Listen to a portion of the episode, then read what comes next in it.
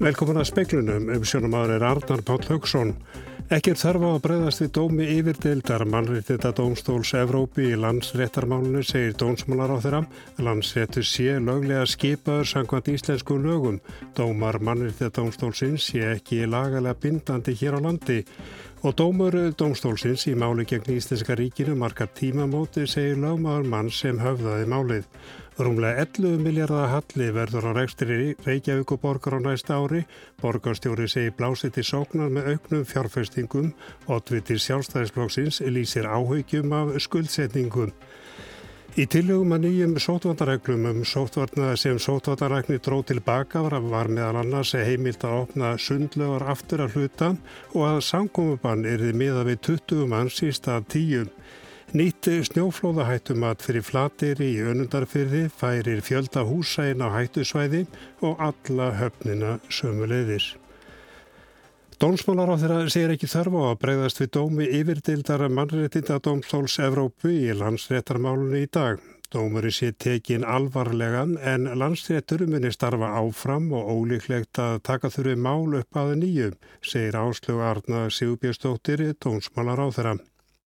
Já, við tökum auðvitað dóma mannreitndómsálsins uh, alvarlega en þeir eru við aðeldar að, aðili að mannreitnda sáttmálunum og dómarnir hafa haft áhrif á íslenskan rétt og þróun hans en þeir hafa samt ekki, eru ekki lagalega bindandi hér og breyta ekki einir og sér uh, framkvæmt og tólkun íslenska dómstóla á íslenskum lögum. Verður bröðust við þessum dóma eitthvað nátt? Ég til ekki þörfa á því, þetta kom bara fram ákveðna ábendingar en það er líka skilja að tekja fram að þó þeir telji brotið á sjöttu grein mannrættisáttmálansins um óreittláta málsmeðferð að þá uh, sé ekki þörfa á að taka upp málinn og hafi ekki haft áhrif á nýðustuðu málana. Af þessum fjórun dómur sem umræðir þá er búið endurskipa þrjáðira en ekki þann fjórða. Hver er hans staða þá núna? Dómar að vera bara að dæma sjálfur um sitt hæfi og það er uh, eðlert að gefa og sá þeim tíma til þess. En er, er hann ekki samkvæmt þessu ólöglega skipaður? Hann er löglega skipaður samkvæmt íslenskum lögum. Þessi dómur í morgun, er þetta áfyllisdómur yfir þáverendu dómsmálur á þeirra? Ég ætla ekki að tjá mig um það, það var auðvitað alveg ljóst að þegar uh, niðurstaða hæfistemndarna kom, að það var ekki stuðningur við hana í þinginu og henni þurft að breyta. E, áttu vona því að, að stjórnmjöld mun eitthvað fjalla frekar um þennan dómi eða er þetta bara þá endapunkturinn á þessu máli? Já, þetta er endapunktur þessu máli. Landsveitur heldur áfram að starfa og það þarf hvorki að greiða bætur nýja hérna, ólíklegt að komi til endur upptökum mála. Segir áslögu Arna Sigurbjörnsdóttir, Haugur Holm, talaði við hana. Og meirum enda mál, þetta er tíma á móta dómur, ekki bara fyrir Ísland, heldur Evrópa alla, segir lögmar mann sem hafði sigur gegn Íslenska ríkinu í landsréttarmálinu. Ráða menn Evrópu þjóða hljóti nú að hugsa sig um tvísvar áður en þeirri vegi að sjálfstæði dómstóla. Ég tel að þetta sé tímamóta dómur ekki bara fyrir okkur heldur fyrir Evrópu. Ég treysti því að, að, að uh, stjórnvöld og ráðamenn Evrópu þjóða þeir hugsa sér nú tvísar um áður þeim fara að vega að sjálfstæði dómsválsins og ég tel að þessi dómur mannreitnda dómsválsins hafi slegið skjaldborg um sjálfstætt dómsvöld í Evrópu. Sigrir Andersen sem var nú dómsmálaráþara þegar þetta allt fór af stað hún hefur tólkað þetta meira á þann vega með þessu sé domstólun að senda skilabóð til ímissa Östur-Európuríkja, Ungverðlands, Pólans og, og þeirra. Fordæmið eigi við þar, ekki hér, en fordæmið á heima hér líka. Já, að sjálfsögðu og ef að Sigurður Andersen heldur þessu fram þá hefur hún reyninu ekki lesið dómin. Ertu með fleiri mál sem að býða afgriðslu hátna sem hafi beðið með að þetta mál fyrir gegn? Já, ég hef með tólf önnur mál sem að býða afgriðslu hjá domstólnum og ég reikna nú með því að það far eitthvað að gerast í þeim málum núna þegar þessi dómur er fallin. Má gera ráð fyrir að þau farið þá hraðir í gegn þegar ef þetta fordæmi er komið? Já, ég reikna nú með því. Þau eru í raun og veru efnislega samhjóða og svo er þetta stóra spurningin hvað Íslenska ríki ætlar að gera. Boltin er hjá því. Þetta var Viljamur Há Viljámsson, Haugur Holm talaði við hann. Reykjavík og Borg verður reykið með 11,3 miljardar krónar halla á næsta ári samkvæmt fjárhagsáallun sem kynnt var í dag. Séu fyrirtæki borgarinnar tali með er áallega hallin verði 2,7 miljardar krónar. Stemt er að því að rekstur borgarinnar verði réttu með við núli eftir þrjú ár 2023. Borgin hegst fjárfesta fyrir 28 miljardar krónar á næsta ári. Dagur Bjækjason segir stemt að því að verjast tímabundu höggi í efnagasmálum. Við erum að bregðast við eh, efnagassamdrætti og atvinnuleifsi og raunar lofslagsvá með því að e, halda sjó í rekstrinum, e, fari mjög mikið fjárfestingar áttak og beina fjárfestingunni í græna átt. Dagur segir að styrkur borgarinnar er verið nýttu til að auka umsvið í atvinnulífinu og verja störf. Eithor Arnalds, ótviti sjálfstæðisflokksins, hefur áhyggjur af fjármálum borgarinnar. Hér er náttúrulega gríðarlega skuldsetning og það sem eru áhyggjur af er að skuldsetningi var líka áður en að kreppa skall á og þá er aðalatrið í hvað peningandi fara og þegar maður sér í greinara planinu að þá setja miljardar í malbyggunarstöðun á höfða og uh, þá að gera við hús við tryggagötu fyrir 4,5 miljard þá spyrir maður sér hversu skynsanlegt þetta er uh, auðvitað margt gott en það er greinilega að fara miklu betur með peningan þetta Þetta var Eithor Arnalds Nýtti snúflóðahættumat fyrir flandir í öndanfyrði færir fjölda húsa inn á hættusvæði og alla höfnina einnig skoðað er hvort verja þurfi hafnir betur fyrir flóðum víða um land. Hættumatið var unnið í kjölfar flóða sem fjalli í önundarfyrði og súandafyrði í januar. Flóð gengu yfir varnargarðin á flatteri og færðu þar hús í kaf. Nýja matið hefur þegar verið kynnt á íbófundi á flatteri. Rýmingarsvæði skiptast í A, B og C hluta en mest hætta er talin á flóðum innan C hluta. Meira en 20 hús færast nú inn á það svæði en enginn voru þar áður að undarskildum frístundahúsum. Tómas Jóhannesson sviðstjóri hjá Veðurstofu Ísland segir að líklega þurfa að rýma þessi hús á nokkura vetrafresti eða jafnvel árlega. Og svo er gett ráð fyrir rýmingu á mörgum eftir húsana uh, í, í, í, í hrinum sem eru, eru alvarlegar, mjög alvarlegt snjáflóð ástand eins og var í janúar og, og, og 1995 og síðan er þriðjastega rýmingarinnar sem endur speklar þá bara stærsta hættisvæðin sem miðast þá við algjörar aftaka aðstæður. Þótt hús falli innan mesta hættusvæðis þýðir það ekki að bannað sé að búa þar. Hins vegar má ekki reysa ný hús. Þetta hættumandi núna eru svona frum miðustuður, það er ekki búið að formfesta það með undirritum ráð þeirra og ganga frá teknilegri skýrslu um það. Þannig að það er mögulegt að þetta takja einhverjum breytingum. Einnig er verið að endurskoða hættumat annar staðar á landinu þar sem fyrir eru leiðigarðar líkt og á flateri. Það er á Ísafyrði, Bíldudal, Siglufyrði, Ólafsfyrði og Nesköpstað. Tómas segir að súvinna klárist í vettur. Þá sé til aðtugunar treysta varnir svo höfnin í þorpun á flateri sé betur varin. Þá sé einnig í skoðun hvort verja þurfi hafnir betur víðar á landinu. Elsa Maria Guðlur Strífudóttir saði frá og talaði við Tómas Jóhannesson. Hildarkostnaður húnaþings vestra vegna kórnuveiru faraldusins er nú orðin tæpar 90 miljónu króna. Um vikutími í mars voru allir íbúa sveitafélagsins í sótkví. Það kostaði sveitafélagi um 2,5 miljón króna á dag. Segja má að loka hafið þurft samfélagin í húnaþingi vestra þegar þar kom upp viðtækt smitt í vor. Frá 21. til 27. mars fóru allir íbúar sveitafélagsins í úrvinnslu sótkví á meðan unnið varað smittrakningu. Öll starfsemi sem ekki taldist lífsnauðsynleg láð þá niðri og aðeins einn af hverju heimili mátti fara út til að kaupa í matinn. Heildarkostnaði sveitafélagsins fram til þessa dags vegna COVID eru 88,3 miljónir og þar af eru 14,6 miljónir sem getlu til meðan á úrvinnslu sótkvínu stóð segir Ragnhildur Jóna Ingimarsdóttir sveitastjóri. Byggðar að hún að þings vestra bókað á fundi sínum í gæra áskorun til ríkisvaldsins um að koma til móts við þau sveitarfélög sem hafa þurft að grípa til sambærilegra aðgerða vegna faraldursins. Það er mjög mikilvægt að þetta eru miklu peningar fyrir lítið sveitafélög. Hún segir áhrifan að gæta víða í sveitafélaginu, engum hjá fyrirtækjum í ferðarþjónustu og annari þjónustu sem þurft hafa takmarkað eða loka á árinu. Atvinnuleysi hefur ekki verið meira síðan í upphafi ást 2010. Það er spáð atvinnuleysi núna í loka ásins på 5,8% og það er með því hæðst á Norrland vestra. En hún segir ástandi gjör ólíkt í dag miða við þennan mjög svo erfiða tíma í vor. Hér er ekkert smitt og enginn í sjótti þannig að, að það er mikill léttir á meðan það er solis og það er mikilvægt fyrir okkur að halda vöku okkar og, og gæta okkar. Þetta var Ragnur Jóna Ingemannsdóttir, Ágúst Ólásson talaði við hana.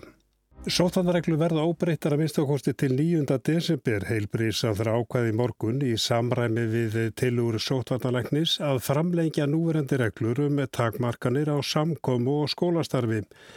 Þessi niðurstað kemur ekki óvart í gær greindust átján með koronaveiruna einalans þar að voru sjö utan sótkvíjar. Það hefur ríkti talsverð óvisa um framhald sótvarnaregla nú þegar dregur að jólum. Þórólur Guðnarsson, sótvarnalegnir, sendi heilbriðs á þeirra minnisblada 2015 óumber eða á miðugdægin í síðustu vikum. Það var ástandið nokkuð annað en síðustu daga, þrjú til sjö smiti daglega og flest í sótkví. Undir þessum kringumstæðum sendi sótvandalæknir á þeirra minnisblad og tók reyndar skýrt fram að tilugur um ákveðnar tilslaganir væri lagða fram með þeim fyrirvara að faraldurinn breytist ekki frá 2015. november. En hvað lagði sótvandalæknir til? Hann lagði til nýjar reglur að þær myndu gilda næstu tvær vikur eða frá öðrum desember. Hann lagði til almennar fjöldatakmarkanir að þær yrðu miðar við 20 manns með ákveðnum undantekningum. Takmarkanir nú miðast við 10 manns og verða það næstu viku að minnstakosti. Tillaga sóttanalagnis var líka að börn að fætu 2005 og síðar yrðu undan þegin 20 manna reglunni. Það laði til að nándarreglan er áfram tveir metrar með ákveðnum undatekningum. Börn fætti 2005 og síðar eru undan þegin tveggja metra reglunni. Lagt það til að sund og baðstaðir yrðu opnar á nýja leik. Hámasfjöldi gesta yrði þó miðar við 50% af leifilugum fjöldan.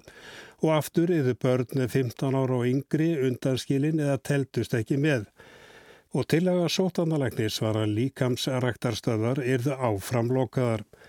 Tilslaganir vegna íþrótta voru bóðar. Nú er allar íþróttir 15 ára og eldri bannaðar.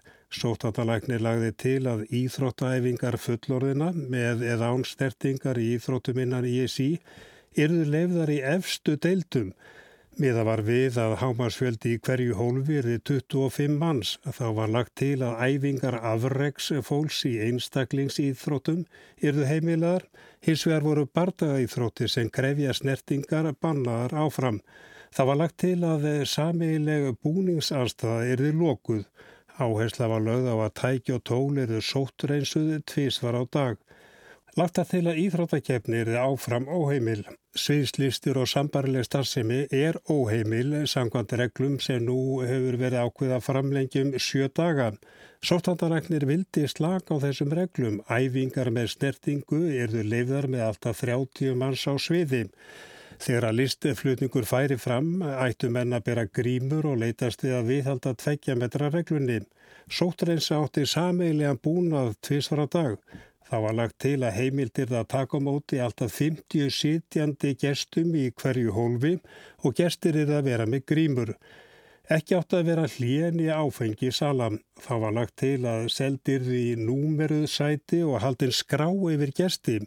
Þá átt að heimila að taka móti grunn og leikskólabörnum á síningar með þeim reglum sem er gildum skólastarfið. Og það hefur verið kvartað yfir því að ekki megi fleirinn tíu vera í einu inn í verslunum Lagt var til að 50 manns mættu verið í verslunum í hverju hólfi. Bæta máttu við einu viðskiptavinni fyrir hverja 10 fermetra af hámarki 200 manns sem fyrr átt að gæta að við það var tveggja metra regluna. Veitingarstaðir meg aðeins taka móti 10 manns í hólfum sangvand en úgildandi reglum og lagt var til að þeir gætu tekja á móti 20 manns í hverju rými og börn átt ekki að teljast með. Afgreifslu tími veitingarstaða átti eftir sem áður að vera til klukkan nýja á kvöldin. Krár og spilasalir átti að vera lokaður áfram og grímuskildan átti að vera svo sama og verið hefur. Þetta voru tilhjóðan sem að sótvandalækni lagði til með fyrirvara 2015. november og heyra nú sögunu til. 29. november eða á sunnundagi var dró hann minnisluði tilbaka. Það var gert í ljósi þess að daglegum smitum hafði fjölgað frá því að vera þrjú til fjögur upp í 20. Í nýja minnisblæðinu bendir sóttatalæknir á að það veri stefna í línulegan vöxt smita og hugsaðlegan veldis vöxt. Minnisblæðir einfalt þórólu laði til að núvarandi reglur ætti að gilda áfram næstu tvær vikur. Dægin eftir sendi hann ráð þeirra þriðja minnisbladi þar sem hann viðræði hugmyndur um að slaka á sóttanarreglum út á landi í ljósi þess að lang flest smitt hefðu verið að greinast á höfuborgarsvæðinum. Svandi á þeirra segir að verið sé að skoða hvort að til greina komi að mismöndi reglur gildi eftir landslutum. Sótvarnalagnir er lagði sem fyrr segir að núverandi reglur eru framlengdar um halva mánuð en ráð þeirra miðar við eina viku. Uh, við teljum að uh, vegna þess hvar við erum stödd á dagatalinu uh, að þá eigum við að meta stöðuna jamt og þétt. Um, einhverjir höfðu væntinga til þess að við myndum láta þessar stöðu gilda fram yfir jól. Uh, mér fannst sjálfur rétt og í samræðu við sótanalækni rétt að, að láta þetta gilda fram í næstu viku og taka stöðuna uh, á hverjum degi og um, vænti þess að, að við séum tilbúin til þess að, að snúa baugum saman ennum sinn. Ertu bjart sína á það takist? Já, ég er bjart sína á það takist vegna þess að það er mér mikið í húfi. Það er náttúrulega fyrsta lagi eru jólinn í húfi og, og svo í öðru lagi bara það að við séum á góðum stað með faraldrun þegar að bóluefnið kemur og þegar við förum að geta bólusett og, og sem að verður uh, ef allar spár ganga eftir uh, á fyrsta fjóruðungi næsta árs og þannig að það er til mikils að vinna við náum að halda faraldrunum vel niðri fram að þeim tímabúin. Þetta var Sandi Sáastóttir, hólfröðu dagni Friðjónsdóttir, talaði við hana.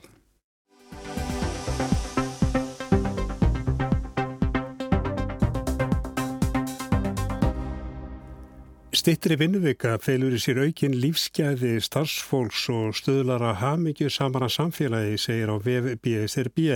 Í kjæransamlingu við ríkju og sveitarfjölu í vor var samið með stittingu vinnuvikunar í alltaf 36 tíma hjá dagvinnufólki en alltaf 32 hjá vaktavinnufólki.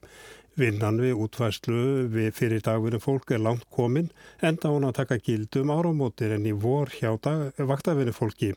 Stitting vinnutímans er sögulur áfangi, segir Sonja Ír Þorbinstóttir, formaður BSRB.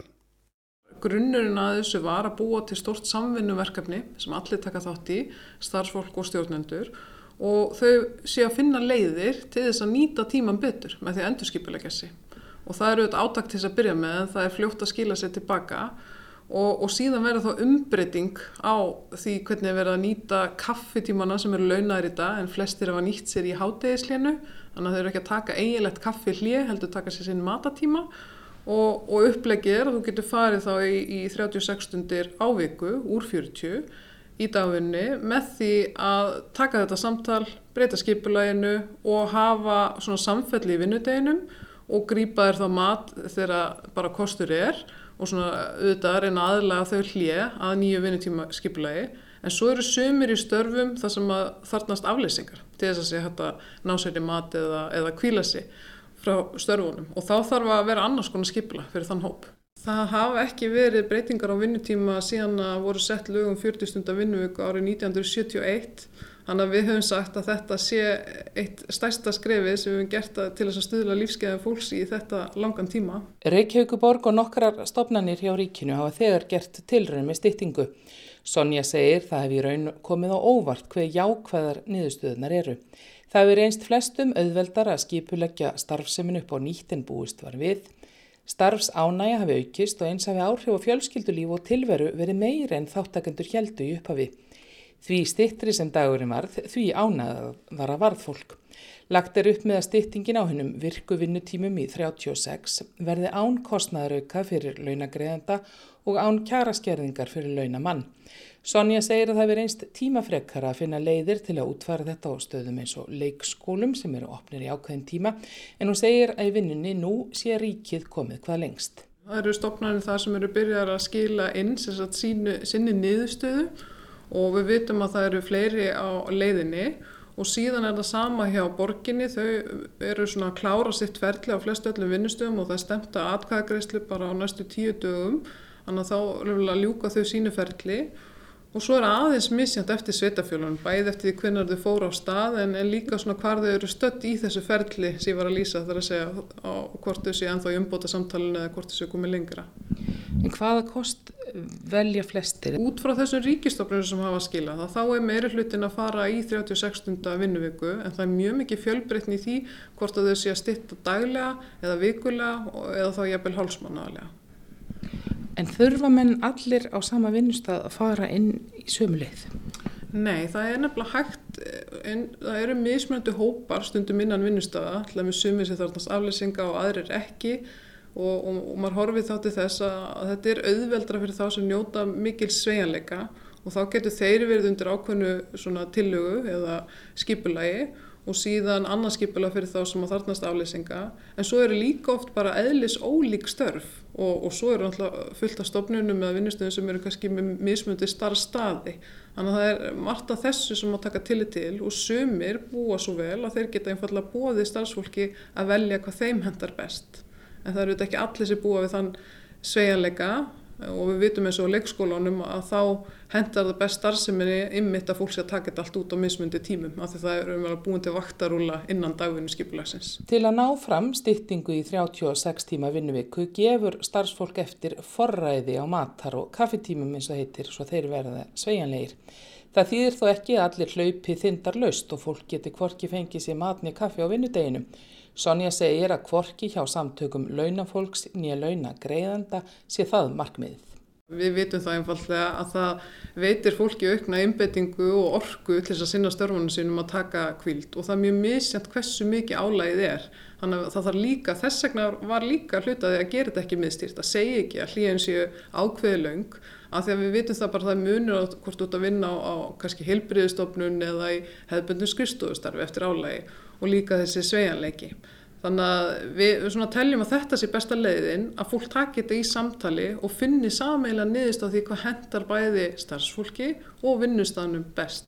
Að undangenginni vinnu vinnutímanemdar á hverjum stað, samtali og samráð við starfsmenn og stjórnendur á að leggja fram tillögur um útfærslu styttingar og greiða svo atkvæði um tillöguna séu þær samþýttar takað tilvöðna gildi um áramótin. Ég tel að það sé komið nokkuð vel á, á veg. Við erum í samingu búin að búa til e, fræðslu efni mjög mikið sem er inn á heimasíðum mismund eftir við semundum hvort þessi Ríkiborg eða Samband Íslenska Sveitafélag. Svo eru við með BSB með eigin fræðslu efni á stittri.is tíma. Núna eru alla spurningarnar svolítið í kringum atkvæðagreisluna og einmitt þessar mismundi tillögur hvort að það sé ekki öruglega hægt út frá mismundi hópum. En nái starfsfólk ekki samkominnlegi stittist vinnutími sem nefnur 13 mínútum á dag eða 65 mínútur á viku þann 1. januar árið 2021.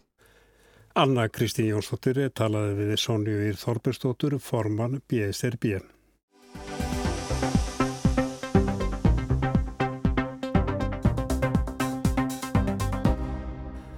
Brexit var auðvelda leiðin ef markam átti bóðskapi leiðandi Brexit sinna fyrir þjóðratkvæðagreisluna sumarið 2016 um aðil breyta að Evrópusambandinu. Nú reytt þeirra við stjórnvölu þjóðaskútunar og freistar þess að semja viðskipti við SB og daglega búist við fréttum á útkomunu. En af hverjum hefur verið svona erfitt að semja viðskipti til framtíðar? Þeir sem höttu breyta 2016 til að ganga úr Európusambandinu sögðu gerðnan að í raun myndi ekki mikið breytast nema þetta að breytar tæki stjórn eigin mála. Breitland yrði jafn saminað og áður og engum minna evróst eins og þingmaðurinn Boris Johnson sagði ávarpi í morgunsárið eftir sigur Brexit sinna í þjóðaratkvæðagreislunni um ESB aðild breyta. This does not mean that the United Kingdom will be in any way less united nor indeed does it mean that it will be any less European. Þessi orð um einingu Bretlands hafa annan hljóm nú þegar Brexit hefur rækilega ítt undir sjálfstæðishugmyndir skota þó þær hafi orðið undir í atkvæðagreyslu þeirra 2014. Og hversu Evróst Bretland vil vera er óbeint undir í ódkljáðum samningum um framtíðarviðskipti Breta og ESB. Tótnin var alltaf sá að það yrði fjarska auðvelt að semja um framtíðar viðskipti við þessa stærstu viðskiptablokk breyta. Einn fleigasta setningin í þáveruna voru ummæli Liam Fox, þáverendi utaríkisvestlunar á þeirra, í júli 2017 um að fríverslunarsamningurinn sem breytar myndu verða að gera við ESB yrði sá auðveldasti í sögunni. The free trade agreement that we will have to come to with the European Union should be one of the easiest in human history. Auðvelt að semja, saði Fox, því breytar og ESB byrjuð á sama stað, engir tollar og fullkomin aðlögun að ESB reglum og stöðlum. anstætt því sem er annars í fríverslunarsamningum þegar samningsadilar semja sig saman úr ólíkum áttum. Hið sérstaka við samningaviðræður breyta við ESB er að þarna eru samningsadilar að semja sig í sundur. Brexit anstæðingar nikja gerðnan á að hið einstaka við samningsstöðu breyta nú sé að í viðskiptalegu tilliti geti viðskiptaleg útkoma í raun aldrei orðið annað en eitthvað verra en viðskiptakostir ESB aðildar. Boris Johnson, nú fórsætsráð þeirra, sagði að samningar erðu auðveldir því ítalskir Prosecco-bændur og þýskir bílaframleðendur vildi ekki missa viðskiptu í breyta. Það er, framtíðarviðskiptin væri ekki síður mikilvæg fyrir ESB en breyta. En það vitt svo til að hagsmunir ESB deilast á 27 lönd. Viðskiptu við breyta skipta mestu í nákvæmlöndum breyta, síður í fjarlægari ESB-löndum. Á móti hittir mögulegt efnahagshögg breyta eina fyrir. Þau þrjú svið sem hafa staðið í samningsaðilum eru samkeppnisreglur, hvernig ég að leysa deilur um framkvæmt frívæslunarsamnings og svo fiskveiðar. Fiskveiðar eru reyndar ekki liður í frívæslunarsamningi en ESB setti sem skilirði að allt yrði undir einum samningshatti. Til að hindra hrossakaup um fiskveiðar á síðustu stundu alluðu breytar að klára fiskveiðsamningarna í sumar en það mistókst svo nú er allt undir. En þá er það líkil spurningin að hverju hefur reynst svona ógnar erfitt að semja um fríverslun breyta og ESB, já og fiskveðar. Mýmargar ástæður en lítum á nokkur grundvallaratriði. ESB hefur ítrekkað mynd breyta á að þeir séu að yfirgefa ESB ekki öfugt. Samningsmarkmiðin stóðu lengi í breytum ekki síst vegna þessa fullkomna viðskiptarsamband sem ESB aðildin er. Anstætt því sem fóks og fleiri heldu reyndist það erfiður upphafspunktur. Þar af þetta sífælda umkvörtunarefni ESB að brettar vildu bara halda í það sem þeim væri hagkvamast og henda hinnu. Anstætt brettum var samningsforsenda ESB alveg skýr. ESB ætlaði ekki, gæti ekki samþygt neitt sem græfi undan innrimarkanum og á því róði hefur samninganemdin staðið eins og grimmur hundur. Og þetta var líka afstæðan sem vó algjörlega upp viðskiptahagsmunni einstakra landa gagvart breytum viðskipti við breyta skiptu vissulega drúu máli bæði fyrir einstöglönd og fyrirtæki fyrir Prosecco bændur og bílaframleðendur en órofin eining innri markaðarins skiptir þó alla þessa aðila miklu meira máli. Í fiskveiði efnum ber bísna mikið á milli bæði hvað varðar abla hlutdeild og eins þetta að brettar vilja breyta forsendum kótakerfis ESB. Í þjóðharslu tilliti eru hagsmunir sjáarútvegs bæði í Breitlandi og ESB svo litlir að þeir sjást vart með stækkunagleri. Í Fraklandi blasa þeir við í fjölda starfa í sjáarhjörðum. Líki Breitlandi í viðbót við tákgrænt gildi þess fyrir bretta að geta sagst hafa stjórn á miðunum. Viðkvæði Theresa May var að Brexit er gott fyrir breyta. Johnson þarf að sína í raun að svo verði. Já, sá á kvölina sem á völina. Sigrun Davistóttir sagði frá og við sögðum meðal annars frá þess, þessu í speiklunum í kvöld ekki er þarf á að bregðast við dómi yfirdeildar mannreitinda Dómstóls Evrópi í landsréttamálunu. Þetta segi dómsmálar á þeirra. Landsréttur séu löglega skipaðu sangot íslensku lögum. Dómar eh, Dómstólsins séu ekki lagalega bindandi hér á landi.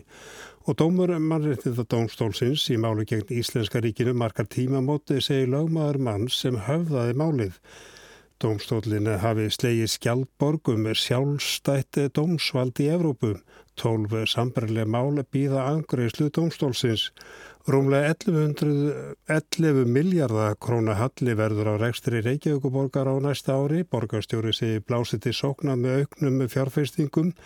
Otviti sjálfstæðisflóksins lýsir áhugjum af skuldsetningunni og í tilugum um nýjar sótnaðarreglur sem sótvarnarlæknir dróð tilbaka var meðal annars heimilt að opna sundlögar aftur að hluta. En það er ekki fleira í speklunni kvöld. Tæknumar var Magnús Þósteinn Magnússon. Verðið sælu.